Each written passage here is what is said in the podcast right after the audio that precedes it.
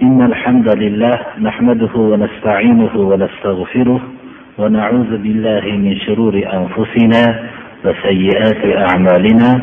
من يهده الله فلا مضل له ومن يضلل فلا هادي له. وأشهد أن لا إله إلا الله وحده لا شريك له. وأشهد أن محمدا عبده ورسوله. أما بعد السلام عليكم ورحمة الله وبركاته. Qur'oni karimda iymon keltirgan kishilarga bo'lgan xitobning surai baqara va surai oli imron. Bundagi o'n sakkizta nidoni o'rgangan bo'ldik. Bugungi darsimiz surai nisodagi iymon keltirgan kishilarga bo'lgan alloh subhanahu va taoloning nidosi haqida dars qilib o'tamiz. Surai nisodagi ya'ni niso ayollar surati ayollar nomi bilan nomlanyapti.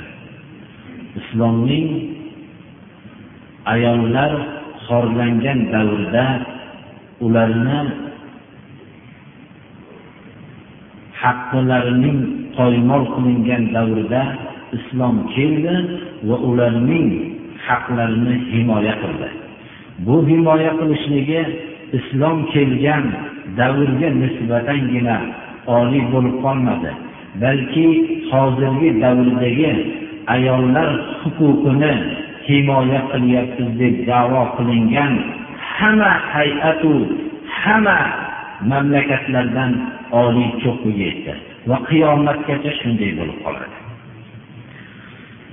Biz johiliyat davridagi xoh tarixdagi johiliyat bo'lsin xoh hozirgi vaqtdagi va kelajak vaqtdagi bo'ladigan johiliyatdagi holatlar haqida bilmasdan turib islomning bergan huquqlarini ayollarga bergan huquqlarini bila olmaymiz. Mana bu oyat استعيذ بالله يا أيها الذين آمنوا لا يحل لكم أن ترثوا النساء كرها ولا تعبلوهن لتذهبوا ببعض ما آتيتموهن إلا أن يأتين بفاحشة مبينة وعاشروهن بالمعروف فإن كرهتموهن فعسى أن تكرهوا شيئا ويجعل الله فيه خيرا كثيرا alloh subhanahu va taolo bashariyat binosining aslini oila bo'lishligini iroda qildi islom dunyoqarashi shunday islom dunyoqarashi bashariyatning binosini aslini birinchi oila g'ishtidan boshlanishligini iroda qildi الذي خلقكم من نفس واحدة وخلق منها زوجها وبث منهما رجالا كثيرا ونساء واتقوا الله الذي تساءلون به والأرحام إن الله كان عليكم رقيبا ey odamlar qo'rqinglar o'zinglarning tarbiyat kunandanglardan keyin sizlarni bir nafsdan bir kishidan yaratgan edi va u kishidan uning juftini yaratgan edi va u kishi va juftidan ko'p kishilar va ayollarni taratgan edi. Alloh subhanahu va taoloning irodasi shunga taalluq topdi. Demak bashariyat bir katta bir oilani tashkil qiladi. Islom dunyoqarashida bashariyat to avvaldan tortib hozirgacha va qiyomatgacha katta bir oilani tashkil qiladi. U islom dunyoqarashida qarashida millatchilik degan ma'no yo'q. Magar ikkita millat bor. Bittasi islom millati u qaysi millatdan bo'lishligidan qat'iy nazar arab o'zbek tojik qirg'iz va hokazo qaysi millatdan bo'lib islomni qabul qilishligi bilan musulmon millatiga aylanadi. Ammo islomning hukmini islom buyruqlarini qabul qilmaslik bilan islomning arkonlarini qabul qilmaslik bilan bu bilan kim bo'lishligidan qat'iy nazar har qanday ajdodi ulug' bo'lishligidan qat'iy nazar arab bo'lishligidan qat'iy nazar o'zbek bo'lishligidan qat'iy nazar u kofir millatidan bo'ladi. Shuni yaxshi bilib qo'ymoqligimiz kerak. Islom boshqa millatchilikni tanimaydi. Mana bu chunki kelajak jannat va jahannam. Ikkov joyga insonlar tayyorgarlik ko'radi. Musulmon millati jannatga ollohning buyruqlarini bajarishlik bilan olloh qaytargan narsalardan qaytishlik bilan o'zining abadiy saodatmand bo'ladigan ollohning jannat deb atalgan ziyofatxonasiga ko'z ko'rmagan quloq eshitmagan insonlarning hayoliga kelmagan lazzatu imkoniyatlar bilan mukammal bo'lgan ollohning ziyofatxonasiga yetib boradi. Shunga tayyorgarlik ko'radi. Jahannamga ham kufr millati tayyorgarlik ko'radi. Bunga islomning buyruqlarini qilmaslik bilan islomning buyruqlarini inkor qilishlik bilan islom qaytargan narsalarni qilishlik bilan jahannamki ko'z ko'rmagan quloq eshitmagan insonning hayoliga kelmagan azoblar bilan tayyorlab qo'yilgan ollohning o't jazosiga va buning aksi sovuqlik bilan azoblanadigan xullas ollohning o'zi bilgan jahannam azobiga tayyorgarlik ko'radi shuning uchun oila bashariyat binosining birinchi g'ishti. Bu g'isht agar chirigan bo'lsa u uqalanib ketadigan g'isht bo'lsa undan tashkil topgan bino albatta qarorsiz bir bino bo'ladi. Shuning uchun alloh subhana va taolo o'zining kalomida oilaga bo'lgan ehtimomni asosiy ehtimomlardan qildi. Va shu oilaning birinchi bashariyat binosining birinchi g'ishti qildi va o'zining irodasi shu oiladan tashkil topishligini iroda qildi. Islom dunyoqarashi boshqa dunyoqarashlar hammasi kufrdir. Odamning aslini hayvonga qaytarish bu narsa kufrdir bu dunyoqarash. Bu haqoratdir bu narsa. Buni yaxshi bilmoqligimiz kerak. U falsafalarning rivojlanishligining asl sababi nasorolarning ibodatxonasini peshvolari bilan xalqlar o'rtasidagi kelishmovchilikdan vujudga kelgan. Ahli kitoblar nasorolar o'zlari uchun mumkin bo'lmagan haqlarni davo qilishdi. Ular davo qilishdiki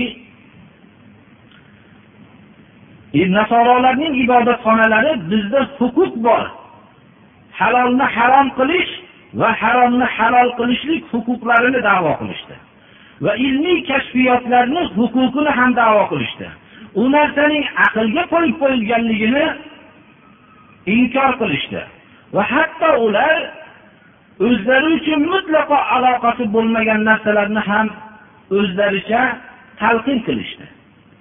Misol qilib olganimizda yer va koinot haqidagi ma'lumotlarni bilishlikni alloh subhana va taolo koinot va yerdagi sirlarga aqllarning insonning aql doirasida ishlatishligi natijasida kashf bo'ladigan kashfiyotlar degani.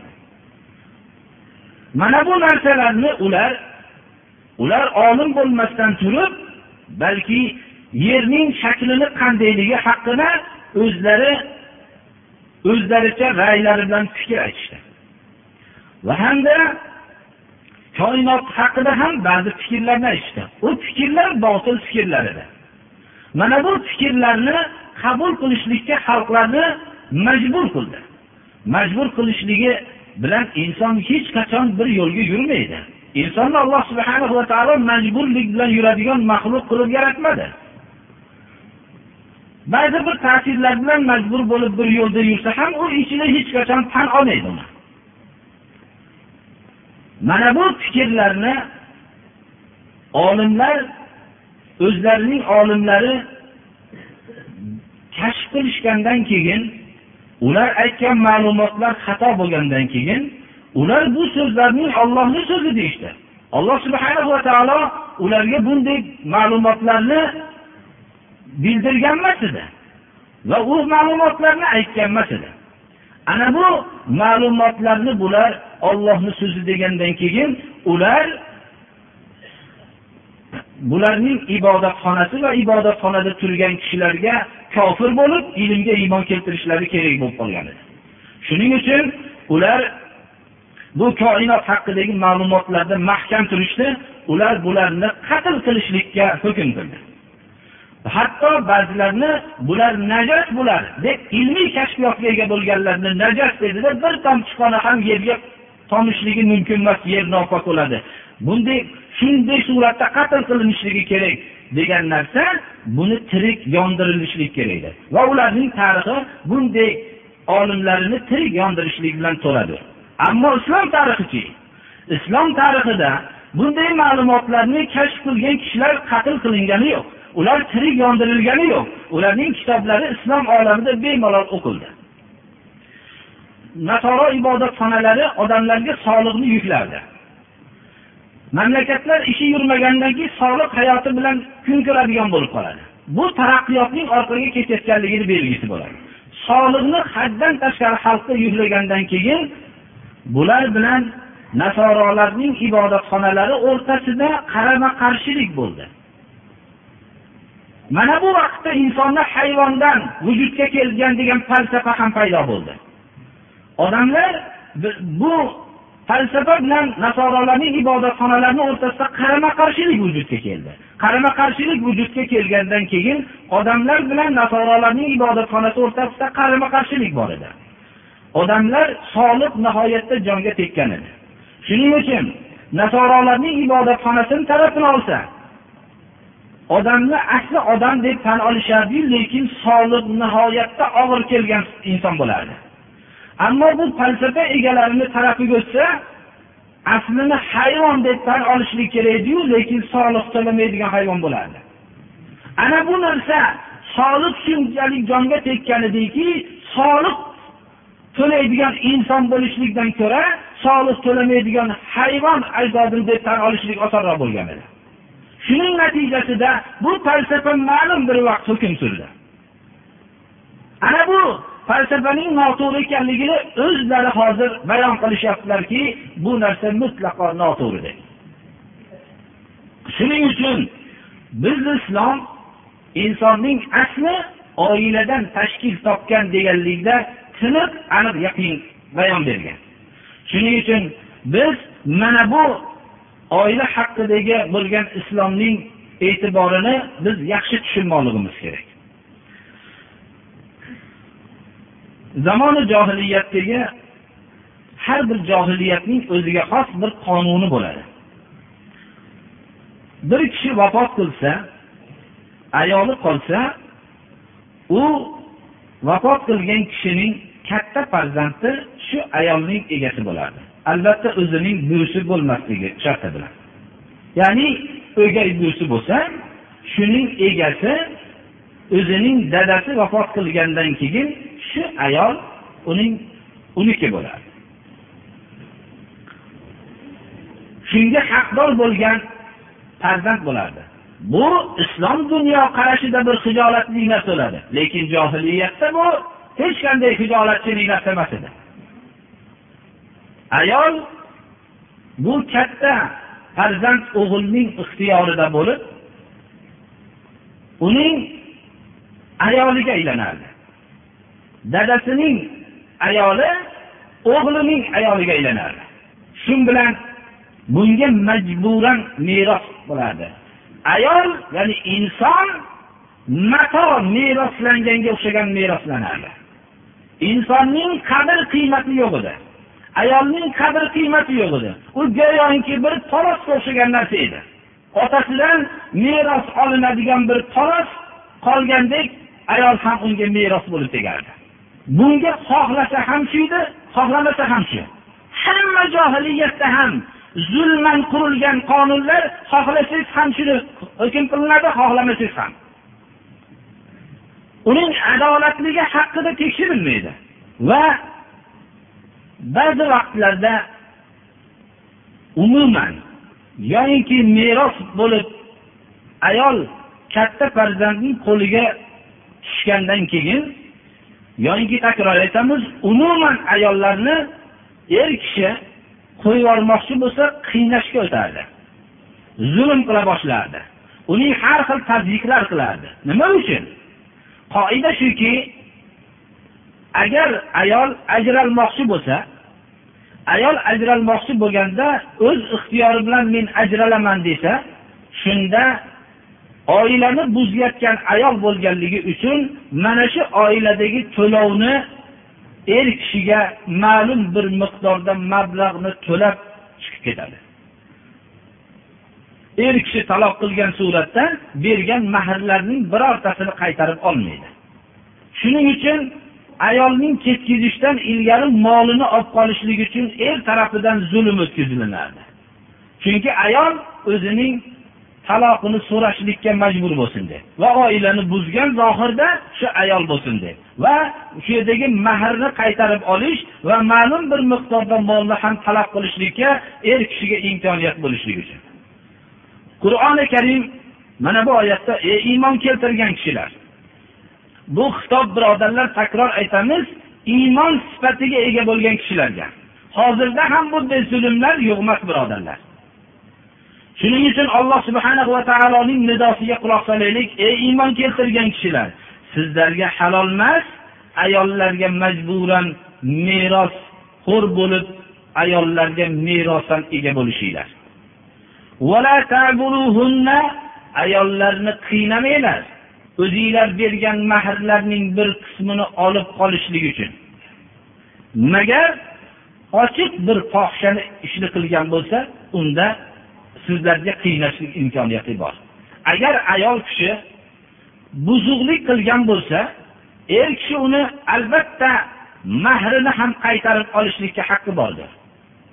Ajralishdan ilgari oiladek pokiza ollohning kalimasini poymol qilganligi uchun ayol buzuq ishga jur'at qilganligi uchun alloh subhanahu va taolo bu oilani vayron qilgan.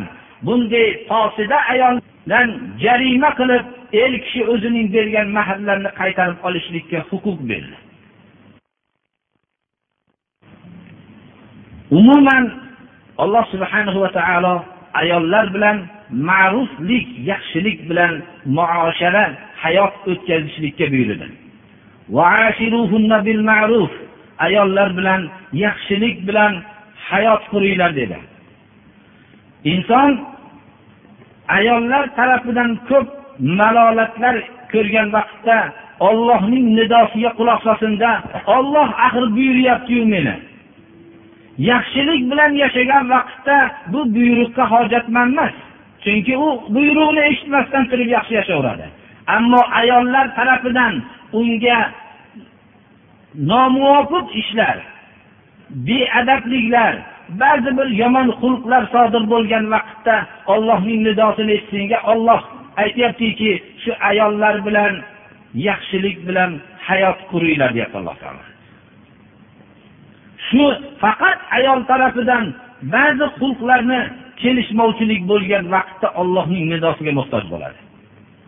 Bo'lmasam takror aytamiz yaxshi yashayotgan vaqtda u nidoni eshitmasa ham yaxshi yashayveradi alloh subhana va taolo ba'zi bir ayollardan badxulqlikni ko'rgan vaqtda nomuvofiq harakatlarni ko'rganda shularni ko'rgandagi mumkin buni tagida bir yaxshi ishlar borligiga yo'llanma beryaptiki ayollarni yomon ko'rsanglar sizlarga xulqlari yomon bo'lsa sizlar birga yashashga qiynalayotgan bo'lsanglar sizlarni bilganinglar to'g'ri bo'lavermaydi. Mumkin bir narsani sizlar yoqtirmassizlar olloh sizlarga shu yoqtirmagan ishinglarda ko'p yaxshiliklar qilsa. Mumkin shu ayol badxulq bo'lgan ayoldan tug'ilgan farzand sizni oilangizni butun tarixda qoldiradigan bir farzand tug'iladi siz buni qayerdan bilasiz mumkin shu oiladan tug'ilgan farzand Allohning yo'lida shahid bo'lib, sizni qiyomatda og'ir bir holatda turganingizda sizni shafoatingizga sabab bo'ladi. Rasululloh sallallohu alayhi va sallam aytdilarki, shahid 70 ta o'zining qaramog'idagi kishini shafoat qiladi dedilar. Mabodo shahidga shafoatingizni berilsa, unga birinchi shafoat qiladigan dadasi bo'lsa kerak, vallohu alam. Mumkin ba'zi bir xulqlarini yoqtirmayotgan ayoldan bir boshqa bir hikmatlar birning fayda manfaatlar chiqar alloh subhanahu va taolo sizlar yoqtirmagan narsanglar to'g'ri bo'lavermaydi inson hayotda buni juda ko'p tajribadan chiqaradi. Ko'p narsani inson yoqtirmaydi. O'zini davolanayotganda unga jarrohning muomalasini yoqtirmaydi. Lekin bu jarrohning muomalasida unga ko'p yaxshilik bo'ladi. Inson hayotda kambag'allikni yoqtirmaydi. Mumkin shu haddan tashqari boy bo'lishlik bilan tavfiqi yo'qolib ketib qolishi mumkin. Inson yoqtirmagan narsagina faqat to'g'ri bo'lolmaydi alloh subhanahu va taolo tarafidan bu so'zni eshitishlik peshonasidan ter chiqaradiki rab taolo alimul g'aybi va shahada g'aybu shahodatni biluvchi zot insonga qarab o'zi men yaratgan bu ayolni sen ba'zi bir xulqlarni yoqtirmasdan bu ishni qilmagin deb qattiq buyurmayapti. Mumkin olloh robbil alamin aytyapti. siz bir yoqtirmagan ishni tagida juda ko'p bir hikmatlar bordir deb alimul g'aybi va shahoda bo'lgan zot aytyapti alloh subhanahu va taolo tarafidan mana bu yo'llanma hammamiz uchun ham bir zarurdir birodarlar لا يفرق مؤمن مؤمنة إن كره منها خلقا رضي منها آخر imom muslim rivoyatlarida rasul sollallohu alayhi vasallam aytdilarki mo'min kishi mo'mina ayolni yomon ko'rmaydi. Biror mo'mina ayoldan biror narsa bir xulqni yoqtirmagan bo'lsa boshqa xulqini hisobga olib mana bu xulqi yaxshiyu deb undan rozi bo'lib yomon ko'rgan tarafini bekitib boraveradi. Mo'min kishi birinchi ko'p xulqlarni yoqtirmayotgan odam bir bilsinki bu ayolining mo'mina ekanligini bilsin. ollohni buyrug'i bo'lsa qilaman qaytargan narsasidan qaytaman degan sifatini ham esdan chiqarmasin qur'oni karimdagi yigirmanchi nido sura nisoning ikkinchi nidosi يا أيها الذين آمنوا لا تأكلوا أموالكم بينكم بالباطل إلا أن تكون تجارة عن تراض منكم ولا تقتلوا أنفسكم إن الله كان بكم رحيما alloh subhana va taolo mo'minlarga xitob qilib o'zinglarning o'rtanglardagi mollarni nohaqlik bilan botillik bilan yemanglar deyapti. Alloh subhana va taolo amvalakum bu nohaqlik bilan yeyilayotgan mollar shu musulmon jamiyatining moli deyapti. Bu mol sizlarning molinglar. Bu molinglarni nohaqlik bilan yemanglar deyapti. Magar sizlar tarafidan bo'lgan taroviy rozi ikki tarafning rizosi bilan bo'lgan tijorat vujud bo'lgan bo'lsa bunda tijorat bo'lib shu mol topilayotgan bo'lsa unda ruxsat. O'zinglarni molinglarni yemanglar degan oyat ko'proq mol topishlikdan maqsad yeyishlik maqsadida topilganligi uchun yeyishlik kalimasiga qayd qilinyapti. Bo'lmasam nohaq topilgan mol bilan yemoq ichmoq bino qilmoq va shunda sukunat qilish va sayyora olib minish bular hammasi durust emas. Faqat nohaq molni yeyishlikdan qaytarilayotgani yo'q balki shu nohaq mol bilan odatda ko'proq yemoq vujudga kelganligi uchun deb xitob qilyapti. Alloh subhana va taolo. Lekin nohaqlik bilan vujudga kelgan molni bino qilib ham bo'lmaydi va sayyora minib ham bo'lmaydi va hokazo. Va shundan kiyib ham bo'lmaydi. Lekin ikki tarafning rizosi bilan bo'lgan tijorat bo'lsa uni halol deb alloh subhanahu va taolo tijoratni halol deyapti. Allohga hamdlar bo'lsinki tijorat bilan juda ham katta bir jinoyat deb atalgan xalqlarni burunlarini yerga ishqab tijorat taraqqiyotning yagona omili deyishlikka majbur qildi. Tijorat islomda halol kasbdir. Bu payg'ambarlar kasbidir. Alloh subhanahu va taolo buni halol qilgan ikki tarafning lekin buni halolmas degan xalqlarni alloh subhanahu va taolo tijoratning eng bir taraqqiyotning omili deyishlikka burunlarini ishqab turib majbur qildi. Shuning uchun ham biz bu tijoratning halol deyishlik degan so'z tijoratning bunday rivojlantirishlik kerak degan so'z bizga nisbatan ya'ni musulmonlarga nisbatan yangi gap bo'lmay qoldi. Rasululloh sollallohu alayhi vasallam bay haqida ko'p yo'llanmalar berdilar.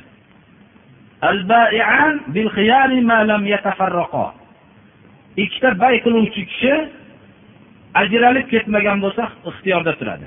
Ya'ni bir kishi sotuvchi bir kishi oluvchi. Sotuvchi bilan oluvchi o'zining matosini savdo qilib molni bu olib pulni sotuvchiga bergandan keyin o'rinlardan jilmay turgan bo'lsa o'rtalarida ixtiyor bilan turaveradi. Ya'ni shuni qaytarib berishlikka haqqi bor. Modomiki tarqalib ketmasa agar o'rinlaridan jilib ikkovlari ikki tarafga burilishlari bilan yurib ketishlari bilan endi qaytarib olishlik ixtiyori yo'q. Modomiki ixtiyorni bayda shart qilinmagan bo'lsa mabodo bir kishi biror bir sayyora olmoqchi bo'lsa uch kun bir ko'rsam shuni desa shunga tajovuz qilmaydi sayyoraga va odatiy bir buni tekshirib ko'radi va shu uch kun uch kundan ortiq ixtiyorim deb bir haftadan keyin menga yoqmadi deb olib kelmaydi uch kunni ichida yoqmadi menga deb qaytarib berishligi mumkin modomiki bayda shart qilingan bo'lsa. Agar bayda shart qilinmagan bo'lsa ikkovlari ikki tarafga burilmasdan turib qaytarib olishlari mumkin bo'ladi. Ammo burilib ketgandan keyin shart qilinmagan bo'lsa qaytarishlikka haqqi yo'qdir ba'zi bir savollar ham bo'ladi. Shu savollarga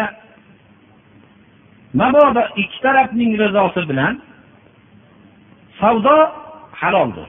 Agarki buni kattaroq qiymatga sotsa ham. Misol qilib olganimizda bir kishi bir matoni yuz so'm miqdorga olsa va shuni yuz ellik so'm ya'ni katta foyda qiladigan yoki ikki yuz so'm foyda qiladigan darajada shuni sotsa agar ikki tarafning rizosi bilan bo'lsa u narsa halol bo'laveradi.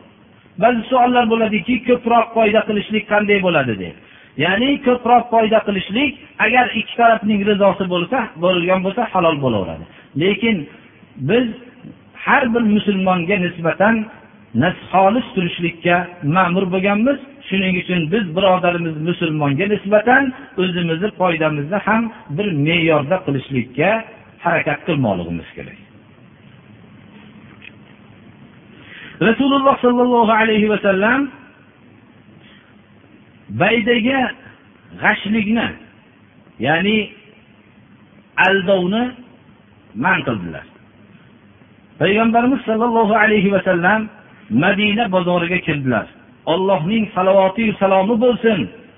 Madinaning bozorlarida sayyidul bashar tamomiy olamning peshvosi bo'lgan kishi shu bozorlarda yurib o'zlarining ehtiyojotlari haqida o'ylanib yurgan zotga allohning salovati va salom bo'lsin. Bormi yer kurrasida mana shunday o'zining ehtiyoji uchun bozorlarga kiradigan mana shunday peshvo bormi? Biz islom kishilari bor deb aytolmaymiz bizning peshvolarimiz shunday bo'lgan.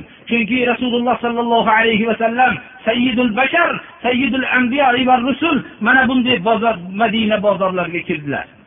Xalqlar bilan bevosita ko'rishdilar. Ularning holatlarini bevosita xabar oldilar. Ularning haqiqat bilan amal qilayotganlarini bevosita maqtadilar. Ularning makr bilan shug'ullanayotganlarini maxsus kishilari bilan ishlamadilar. Balki o'zlari ko'rdilar kuzatdilar. Rasululloh sollallohu alayhi vasallam madina bozoriga kirdilar bir sobra ya'ni bir idishdagi sotilayotgan narsani ko'rdilar. Bu quruq narsa qilib ko'rsatilgan edi. Yeydigan narsa edi. Quruq bo'lishligi afzal edi. Quruq bo'lishligi kerak edi. Ustida qurug'i turgan edi. Yeydigan narsa edi. Qo'llarini shu idishga solib ko'rdilar. O'rtasiga solib ko'rdilarda o'rtasi nam ho'llik bor ekan. Shunda sotuvchini aybladilar va aytdilarki لم لا تجعل المبتل منها ظاهرا حتى يعلمه المشتري يا فلان nimaga bu ho'lini ya'ni nuqsonlirog'ini tepaga qilib qo'ymaysan hattoki sotib oluvchi bilsin buni ko'rsin ey falonchi dedilar kim musulmon birodariga sofdillik bilan muomala qilmagan bo'lsa bizdan emas dedilar Al-makru val xida'u finnar. Makr va aldov o'tda dedilar. Demak, bu olamni qarang hozir.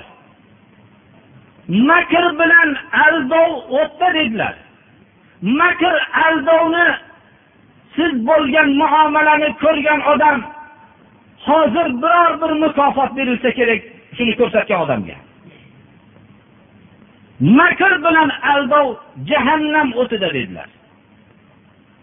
Rasululloh sollallohu alayhi vasallam bir mo'min kishi savdo qilib oladigan taomning tepasi yaxshisi qurib turib tagida bir nuqsonlisi turgan narsa bilan ogohlantirdilarda va shu ishing g'ashlik agar shu ishingda davom etsang bizdan bo'lmaysan dedilar. Va bu ishing makr va aldov dedilar. Makr bilan aldov jahannam o'tida dedilar. Bir ajib oyat. Iymon keltirgan kishilar bu nidoga quloq soladigan oyat. Alloh subhana va taolo o'zinglarni o'rtanglarda molni nohaqlik bilan yemanglar. Bunday savdo qilib yemanglar. Magar ikki tarafning rizosi bilan bo'lsa bu halol deydilar va shundan keyin bevosita o'zinglarni o'ldirmanglar nahotki inson o'zini o'ldirsa? Molni nohaq yemanglar degandan keyin o'zinglarni o'ldirmanglar. Jamiyatda nohaq molni yeyishlik sababi bilan qatl ko'payishligini alloh subhana va taolo bayon qilyapti. Bu narsa bundan ilgarigi asrlarda tushunarli bo'lmasa ham hozir nihoyatda tushunarli. Molning nohaq yeyishlik bilan odamni bir birini qatl qilishlik vujudga kelishligini alloh subhana va taolo o'zining kalomida yod qildi. Hozirgi vaqtda qatlni tekshiring. Qimordan vujudga keladi odamlarni o'ldirishlik? Nohaq yeyishlik mast qiluvchi ichimlik bilan nohaq aldovlar bilan nohaq tortib olishliklar bilan nohaq keziblar bilan odamlarni qatl qilishlik vujudga keltiryapti. Mana bu narsa odamlarni o'rtada mollarni nohaq yemanglar va o'zinglarni o'ldirmanglar. Mo'min kishi musulmon jamiyatida bir kishini o'ldirilishligini o'zini o'ldirilishligidek deb bilmoqligi kerak. Alloh subhana va taolo o'zinglarni o'ldirmanglar deyapti. Bu musulmon kishining musulmon jamiyatida o'lishligining misoli insonning o'zini o'ldirilishligining misoliga o'xshatishmoqlik kerak. Olloh sizlarni nohaq mollarni yemanglar deyishlik sababli sizlarniga mehribon alloh subhanahu va taolo sizlarga rahmdil zotdir. Shuning uchun sizlarni o'rtanglarda o'zaro o'rtanglarda nohaq mol yeyishlikdan qaytaryapti. Alloh subhanahu va taoloning bu mehribonligini islom tarixi ko'rdi birodarlar. Payg'ambarimiz sollallohu alayhi vasallam davrida sahobalar nihoyat darajada bu yo'llanmalarni hayotlariga tadbiq qildilar. Allohning rahmati bo'lsin. Abu hanifa rahimaulloh bu kishi to'mpurish bo'lganlar bu kishi to'mpurishlik bilan o'zlarining qilgan savdolarida xodimlari sotgan to'nning ikki xiliga bir xil narx qo'yib olganligini ma'lum bo'lgandan keyin shunda shubha bo'lib qolgandan keyin dasmoyani olib qolib qoidadan voz kechiladi. Abu hanifa rahimaulloh aytgan shunda aytgan ekanlarki mana shu narsani hammasini asli mol bilan sadaqa qilib yuborgin shubha tug'ildi degan ekanlar. Ulamolarning bittalari o'zlarining matolarini ikki xil matolarini sotganlarida bir xil savdo bilan sotilib qolganligi uchun xodimlari kelib bir xil narx olib kelganda aytdilarki nima uchun ikki xil narsani bir xil sotib qo'yding dedilar u kishi rozi bo'ldi bizni tarafimizda bu narsa juda qiymat turadi men roziman deb oldi dedilar. Chaqir dedilar. Kelganlarda men rozi bo'lib oldim dedilar. Bu halol edi birodarlar rozi bo'lib olgandan keyin. Lekin aytdilarki sen bu rozi bo'lib turgan bo'lsa nima uchun sen o'zingni har bir musulmonga nisbatan xolis turishlik sifatingni yo'qotding dedilar. Islom tarixi bunaqa misollar bilan nihoyatda boydir.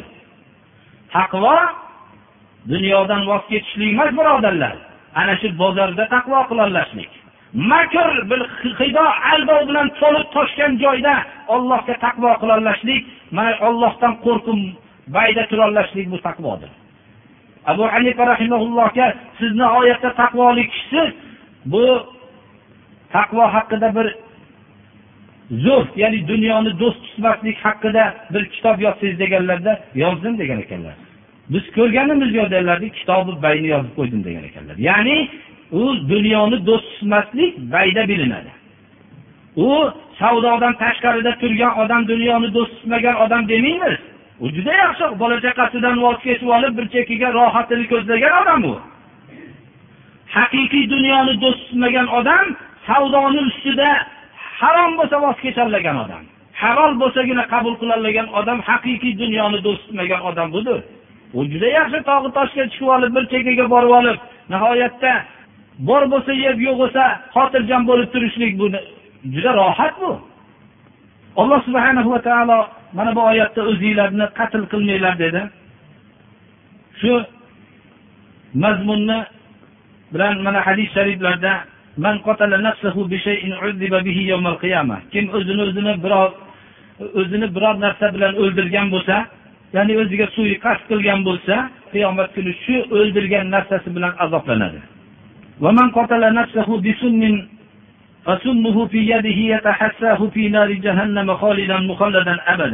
Kim o'zini zahar bilan o'ldirgan bo'lsa bu zahar qiyomat kuni qo'lida bo'ladi doim shimirib ichib turadi jahannam o'tida abadiy qoladi. Alloh subhanahu va taolo bergan hayot ne'matini yakka ollohga bo'lgan ibodat uchun sarf bo'ladigan ne'matni poymol qilganligi uchun mana shunday azobda qoladi. Yigirma birinchi nido sura nisoning uchinchi nidosi يا أيها الذين آمنوا لا تقربوا الصلاة وأنتم سكارى حتى تعلموا ما تقولون. ولا جنبا إلا عابري سبيل حتى تغتسلوا. وإن كنتم مرضى أو على سفر أو جاء أحد منكم من الغائط أو لامستم النساء فلم تجدوا ماء فتيمموا صعيدا طيبا فامسحوا بوجوهكم وأيديكم. إن الله كان عفوا غفورا. ey iymon keltirgan kishilar deb alloh subhanahu va taolo nido mast qiluvchi ichimlik islomda haromdir. Mast qiluvchi ichimlik haqida alloh subhanahu va taolo uchta sarih oyat nozil qildi. Va surai nahlda ishora bilan yaxshi emas narsa ekanligiga avvalda bir ishora qildi. U bilan to'rtta oyat nozil bo'ldi mast qiluvchi ichimlik rasululloh sollallohu alayhi vasallam payg'ambar bo'lgan vaqtlarida tamomiy johiliyat ichida to'lib toshgan edi. Axir shu mast qiluvchi ichimlik bilan edi. Inson ajablanadiki nahotki bir hurmatli katta kishilar ham shunday ichsa ollohning bergan eng katta ne'mati bo'lgan aqlni yo'qotadigan narsani pulga olib ichishligi bilan ham hurmatli odamlar shu ishni qilishligi mumkinmikin deb o'ylanadi. Lekin har bir kishi o'zining davriga nazar tashlasa bunga berilgan ichsa pul sarf qilib aqlinidek katta ne'matni yo'qotadigan narsaga sarf qilinayotgan narsani ko'rsangiz odamlarga nima deb baho berishligingizni bilmaysiz. Qur'oni karimda mana bunday johiliyat davrida mast qiluvchi ichimlikni bilan g'arq bo'lgan xalqlarni shundan tiyishlikda alloh subhanahu va taolo ko'p narsaga muhtoj bo'lmadi. Chunki bu so'z ollohni so'zi edi boshqalar har qancha targ'ibot vositasini ishlatishlari bilan uni ko'paytirishlikka xizmat qilindi xolos. Alloh subhanahu va taolo sura nahlda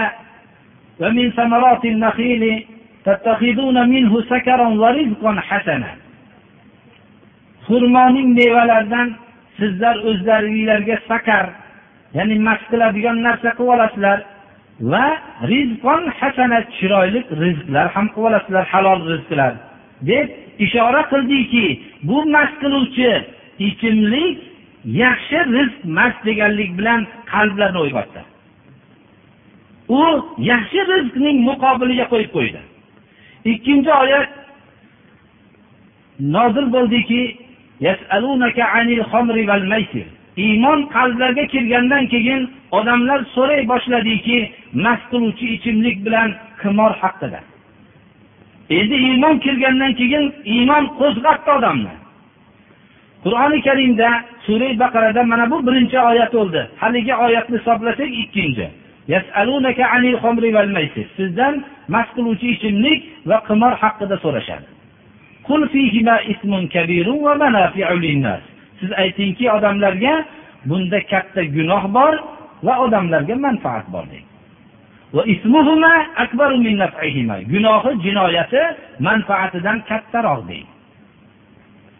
Demak hozirgi vaqtda shunday faylasuflar borki sizlar mast qiluvchi ichimlikni harom deysizlar axir bundan manfaati boru. Masalan tomoqlarni ba'zi bir shabadalashlikka foydalanadi tomoqlarning bir isitishlik xizmatini bajaradi va hokazo ba'zi bir manfaatlari boru deydi.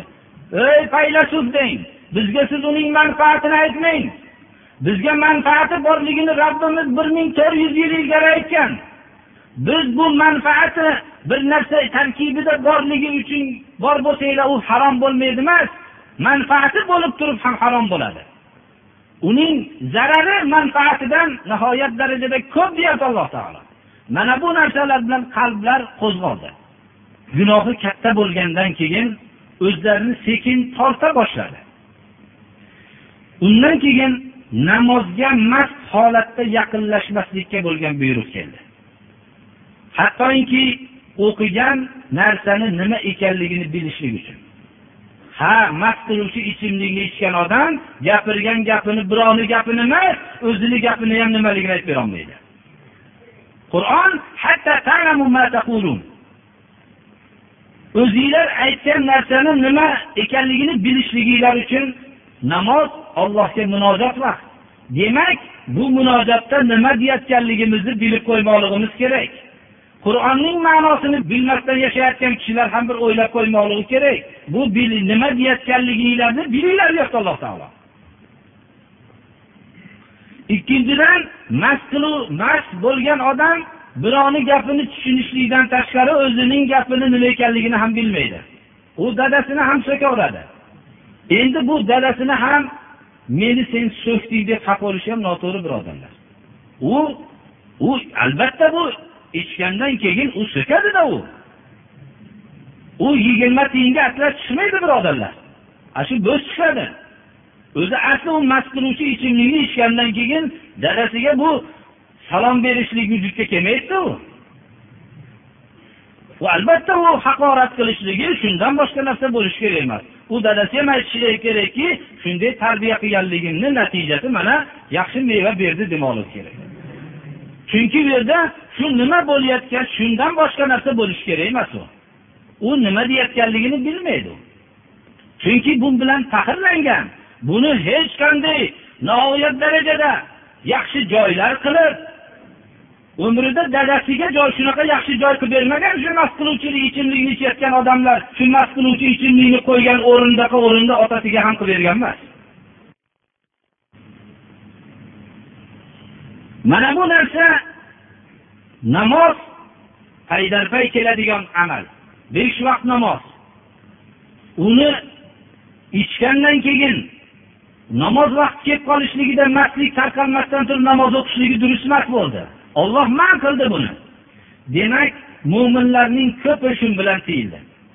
Bundan keyingi oyat sura moidada nozil bo'ldiki bu oyat qat'iy hukm bo'ldi. يا أيها الذين آمنوا إنما الخمر والميسر والأنصاب والأزلام رجس من عمل الشيطان فاجتنبوه لعلكم تفلحون ey iymon keltirgan kishilar mast qiluvchi ichimlik qimor va pol ochishlar butlar hammasi shayton tarafidan bo'lgan nopok narsadir najasdir bu bundan ijtinob qilinglar tiyildinglarmi degan oyat nozil bo'ldi Tiyildilar sahobalar. Shu kundan boshlab mast qiluvchi ichimlik qiyomatgacha harom bo'ldi. Bir tomchisi ham harom oziyu ko'pi mast qiluvchi bo'lgan narsalarning hammasi nomi qanaqa bo'lishligidan qat'iy nazar arabiy bo'lishligidan qat'iy nazar o'zbekcha bo'lishligidan qat'iy nazar injilik tilida bo'lishligidan qat'iy nazar hammasi haromdir. Rasululloh sollallohu alayhi vasallam o'n kishiga la'nat aytdilar. Sotuvchisiyu oluvchisiyu qiluvchisi hammasiga la'nat aytdilar biz o'zimizning avvalgi darslarimizda bayon qildik. Ollohning la'nati bo'lsin deb biz ham aytamiz. Rasululloh sollallohu alayhi vasallam la'nat aytgan kishilarga bizning ham la'nat aytishligimiz sunnat amaldir. Vala junuban junub holatda namozga yaqin bo'lmanglar. Masjidga junub odamning kirishligi mumkin emas. Illa sabilin mabodo masjid yo'li bilan o'tib ketishlikka majbur bo'lsa mumkin hatto g'usul qilmaguninglarcha bu holatda o'tmanglar وإن كنتم مرضى أو على سفر أو جاء أحد منكم من الغائط agar kasal bo'lsanglar suv iste'mol qilsa kasallik ziyoda bo'ladi tahorat qilsa kasallik ziyoda bo'ladi tabibi hozir aytdiki suvni iste'mol qilishligingiz hamma tabib emas. Umrida namoz o'qimagan tabib emas. Islomni bilgan tabib va suvning haqiqatda zarar berishligini bilgan tabib. Mana bu tabib aytsa suvning iste'mol qilishlik sizga tahorat qilsangiz va g'usul qilsangiz zarar qiladi desa yoyinki mo'min kishi safarda bo'lsa yoyinki g'oib bu katta tahorat qilishlik. G'oib deb asli bir chuqurchoq joyda g'oib deydi. Chuqurchoq joyga o'zi inson tahorat qilmoqchi bo'lganda o'zini ehtiyot qilishlik uchun chuqurroq joyni tanlaydi.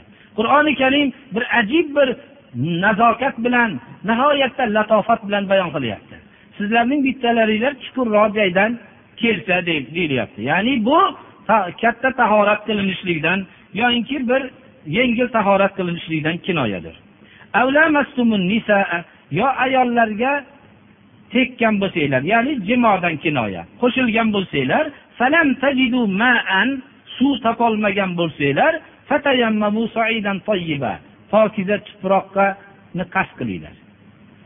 Mo'min kishi mabodo suv zarar qiladigan kasal bo'lib qolsa yo safarda bo'ldi yoyinki tahorati sindi qaysi tur bilan bo'lsa ham yoyinki o'zining oilasi bilan qo'shildi g'usul vojib bo'ldi suv topay desa g'usul qilmoqchi tahorat qilmoqchi bo'lsa suv topolmadi.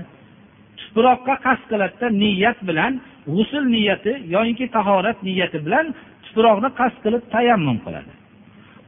Biz tayammumning surati yuziga va qo'liga masx qilishlik. Buning suratlari ulamolar o'rtasida ixtilof bilan har xil bayon qilingan biz unga to'xtalib o'tadigan o'rnimiz bor. Hamma tayammum haqidagi masalani yaxshi bilishadi. Alloh subhanahu va taolo kechiruvchi va afu qiluvchi va kechiruvchi zotdir. Afv shuki ko'proq alloh subhanahu va taoloning bandalarni kechirishligi ulardagi nuqsonlarni kechirishligi g'ofur bo'lsa gunohlarni kechirishligiga xosdir bu. Shuning uchun ham payg'ambarimiz sollallohu alayhi vasallamdan ko'proq rivoyat qilingan duolarda allohumma innaka afuvun tuhibbul afva fa'fu anna. Ey olloh sen afuvsan afu qilishlikni yaxshi ko'rasan. Bizlarni ham afu qilgin deb ko'p duo qilardilar rasululloh sollallohu alayhi vasallam mana bu oyat islom mana tahorat qilishlikka imkoniyat bo'lmasa tayammum qiladi. Tayammum bu alloh subhanahu va taoloning mo'minlarga bergan ne'matidir bu. Tayammum haqida ko'p aqliy falsafalarga berilgan toifalar bular mumkin bu tayammum tuproq bo'lsa qanday bir pok bo'ladi deganda biz qasd bilan pok bo'lamiz. Alloh subhana va taolo shunga buyurdi. Bu narsa taabbudiy ollohni buyrug'ini shu tahoratlik deb bilamiz o'zimizni to suv topilguncha. Biz g'usulni qildik deb e'tibor qilamiz shu tayammum bilan. Bu alloh subhana va taoloning buyrug'ini bajarishligimiz bilan biz pok bo'lamiz. Olloh pok degan odam nopok bo'lishligi mumkin emas. Olloh nopok degan odam u bir daryoni suvini yuvinishi bilan pokiza bo'lishi mumkin emas. It daryoga tushib ketib narigi tarafidan chiqqanda ham itligicha turaveradi. Shuning uchun olloh pok degan albatta pokizadir olloh nopok degan nopokdir. Mushrik ollohga shirk keltirganligi uchun nopokdir. Shuning uchun najas mushriklar najasdir deydi alloh subhanahu har qancha u o'zi shirk amalini qilgandan keyin o'zini har qancha pokizaman desin u ollohning shahodati bilan najasdir. Mana shunday tushunmoqligimiz kerak. Alloh subhana va taolo tayammum qilgan odamni pok deyapti. U g'usul qilgan odam deymiz. Va shu bilan birga asli g'usul nima uchun? G'usul qur'oni karimni o'qishlik uchun va hamda namoz o'qishlik uchun tahorat qur'on o'qishlik uchun bo'ladi. Endi qur'on o'qimasa namoz o'qimasa g'usul qilganiyu qilmaganni farqi yo'q. Shuni tushunmoqligimiz kerak. Alloh subhanahu va taolo hammamizni ham shu nidolarga quloq soladigan kishilardan qilsin. Savol bo'libdiki namoz o'qiyotganda oldidan odam o'tsa qo'li bilan to'xtatsa bo'ladimi? Agar bir kishi namoz o'qiyotganda oldidan o'tgan odamni ishora bilan to'xtatish kerak qo'lini shunday qilib. Agar to'xtamasa o'rnidan turish kerak. Qo'li emas boshqa yeri bilan bo'lsa ham to'xtatib o'tkazmaslik kerak. Chunki bu o'tishlikni nihoyatda katta gunoh. Shu gunohga yordam bergan bo'lib qoladi. Qo'li bilan agar o'rnidan turgan bo'lsa ushlab namozni davom etaveradi keyin albatta to'xtatsa bo'ladi. Endi misvok tutish haqida so'rabdilar. Misvok deb saka yasuku. Misvok tishga ish qo'yadigan narsani misvok deyiladi. Misvok ko'proq achchiq mevalarning daraxtida tanasidan olinsa yaxshi bo'ladi. Og'izdagi bir bo'yni ketkazadi misvok rasululloh sollallohu alayhi vasallam lavla an ashukka ala ummati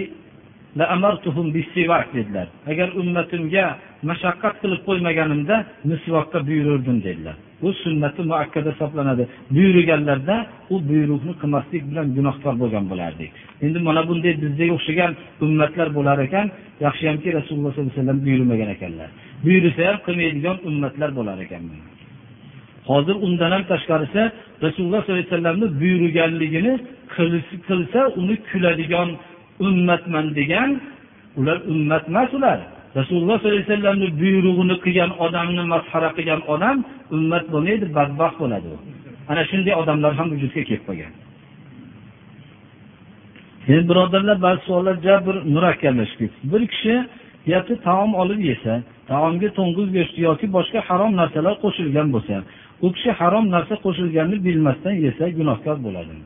Ha bilmasdan yegan narsaga javobgar bo'lmaydi birodarlar. Bilmadida endi bilmasa yeydida endi uni. Nima qiladi? Bilmasdan ham yemaydigan maqomga inson chiqolmaydi endi shuning uchun insonda u. Shuning uchun xato qiladi. Endi o'zini sal bilib yeganga o'xshaydi. Shu bilmasdan sal bilmasdan yegan bo'lsa deyapti shuning uchun birodarlar bu bilmasdan yegan bo'lsa allohga istig'for aytadi tamom shuni ba'zi bir kishilar shunaqa savollar shunday qilishadi. Yo'q bilmasdan emas. Sal shu bilmasdan yegan. Sal surishtirib sal bilmasdan yegan bo'lsa shu lekin sal shu bilinib ham qolganga o'xshagan bilmasdan yegan deb shunaqa qilib qo'yiladi. Bu narsa endi yo bilmasdan yeydi yo biladigan yeydi. O'rtacha ham bilmasdan ham bilib yeydigan surat bo'lmaydi odamda. Bilmasdan yeydi bilmasdan yegan bo'lsa istig'for aytib qo'yadi shu narsa bo'lsa. Bilib yegan bo'lsa osiy bo'ladi ollohni buyrug'ini itoat qilmagan bo'ladi. Halol sanab yegan bo'lsa kofir bo'ladi. E bu yerda birodarlar bu ba'zi savollar bir oilada ketma ket uch martaba egizak tug'ilsa shariatda bunday oilaga qanday hukm bor? Alloh subhana va taolo oilasiga barakot beribdi. Rasululloh sollallohu alayhi vasallam men sizlar ummatlar ustida sizlarni ko'pliginglar bilan faxrlanib turaman dedi. Odamlar buni orzu qilishadi. Bu odamlar orzu qilgan narsa bunga muyassar bo'lib qoldi shu buni tarbiya qilib shukronasiga tarbiya qilsin bularga javob bergan edik ko'pu endi tipratikan halolmi shunaqa degan savollar ham bo'libdi. Bu endi biz bularni yemasin deb aytamiz shularni. Chunki yirtqichlik tabiati bo'lgan narsalarni yeyilmaydi birodarlar. Yana savol bo'lyapti ayollar surasini o'qilganligi uchun ayollar haqida bir savol o'tdi. Masalan sochi kaltaroq bo'lgan o'rilmagan sochlar bo'lsa shuni aslini g'usulda yuvadimi yoyinki hammasini yuvishlik shartmi debdilar. Javob beramizki agar o'rilmagan bo'lsa hammasini yuvishlik shart bo'ladi. Quyosh bilan qiblani aniqlab bo'ladimi degan savol bo'libdi qibla birodarlar bir taraf hisoblanadi. Lekin quyosh kun botish deb hisoblagan bo'lsa aniqlab bo'lmaydi. Har bir muhitga bu nisbatan kun botish qibla bo'lmaydi. Mana ko'p diyorlarga o'zimiz borganmiz kun chiqishga qarab qiblaga qarab namoz o'qiganmiz. Tushunarlimi? Qibla kun chiqish tarafida bo'lgan lekin quyoshning harakatlarini ilmiga bog'lanib turib qiblalarni yulduzlar boshqa nimalardan topishlik ilmi o'zi mutaxassislar bo'yicha topishligi mumkin. Biz qibla tarafiga yuzimizni burishlikka ma'mur bo'lganmiz. Demak shunga taalluqli ilmlarni o'rganishlikka ham ma'murmiz. Bir bu yerdagi duo qiling deganlarni ba'zilar alloh subhanahu va taolo mana sahobalarni zikrlarini eshitib bizga ham shunaqa farzandlarni alloh taolo ato qilsin. Farzandlarimiz shunaqa bo'lsin deb duo qilaylik dedilar inshaalloh duo qilamiz. Ba'zi bir kishilar bir ziyoli akalarimizdan birinchi mana shu darsni eshitish uchun kelishganlar shu kishini haqqiga ham duo qiling dedilar ba'zi bir kishilar ota onamizni bemorligi shu duo qilaylik dedilar mana hammamiz bir qo'limizdan kelgancha kitobi sunnatga amal qilamiz deb yurgan kishilar bir darsdan keyin mana allohni zikri bo'lgan masjidda o'tiribmiz duo qilaylik bemorlarga alloh shifo bersin. Alloh subhanahu va taolo ko'p kishilarga mana hidoyat so'rashibdi alloh taolo hidoyat bersin. Ilm o'qiyotganlarga ilm bersin amal qiladigan ilm bersin. Alloh subhanahu va taolo solih farzand soliha farzand so'raganlarga alloh taolo farzand bersin. Alloh subhanahu va taolo mana bu birinchi kelgan mana bu ziyoli akalarimizga alloh taolo islomga xizmat qiladigan ziyoli kishilardan qilsin alloh subhanahu va taolo ba'zi bir kishilardan birinchi kelishiga duo qilaylik. Alloh taolo shu darsni tushunib amal qiladigan kishilardan qilsin hammamizni ham shu nidoga allohni nidosiga ey iymon keltirgan kishilar degan nidoga labbiy deb amal qiladigan kishilardan qilsin buyurgan buyruqlarni qilishlikka qaytargan narsalardan qaytishlikka alloh tavfiq bersin. O'tgan ajdodlarni alloh rahmat qilsin gunohlarni mag'firat qilsin farzandlarimizni solih solihalardan qilib baxt saodatli qilsin musulmonlarni alloh subhanahu va taolo ofatlardan saqlasin. Musulmonlarga alloh subhanahu va taolo barakotini bersin. Halol kasb bersin. Harom narsalardan alloh taolo ijtinob qilishlikka alloh taolo tavfiq bersin. Makr aldovlardan alloh o'zi saqlasin. Islomga yordam berayotganlarga alloh yordam bersin. Zarar yetkazayotganlarga alloh kifoya qilsin. Bundan boshqa biz duo qilishlikdan boshqa bizda narsa yo'q birodarlar. Alloh subhanahu va taolo hammamizni haqqa amal qilishlikka tavfiq bersin.